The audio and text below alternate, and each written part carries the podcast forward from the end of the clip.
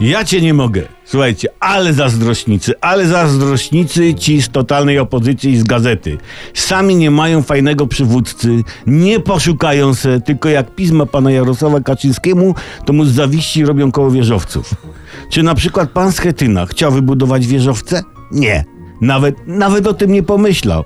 A pan Kaczyński chciał i to uczciwie za wszystko chciał zapłacić. Nawet kredyt jednym telefonem by se załatwił. A pan Schetyna tylko pieniądze po państwowe dotacje dla Platformy by wyciągał rękę. Nic od siebie. Taka jest prawda. Piękne, wspaniałe wieżowce. Takie hate tower, takie, takie dwie wieże nasz polski hobbit pan Kaczyński chciał zabezpieczyć jako dochód dla partii. Myśli o przyszłości tego, co stworzył. I to z własnej działalności gospodarczej ten, PiS chciał utrzymać. Niby według prawa partia nie może prowadzić działalności gospodarczej, ale czego się nie robi dla Polski? bo to dla Polski pan Kaczyński pragnął wybudować dochodowe wieżowce. Może trochę nielegalnie, ale po to, żeby PiS trwało przy władzy i ocaliło nasz kraj od, od postkomunistycznych projudo neoliberałów jątrzących zdrowej tkance.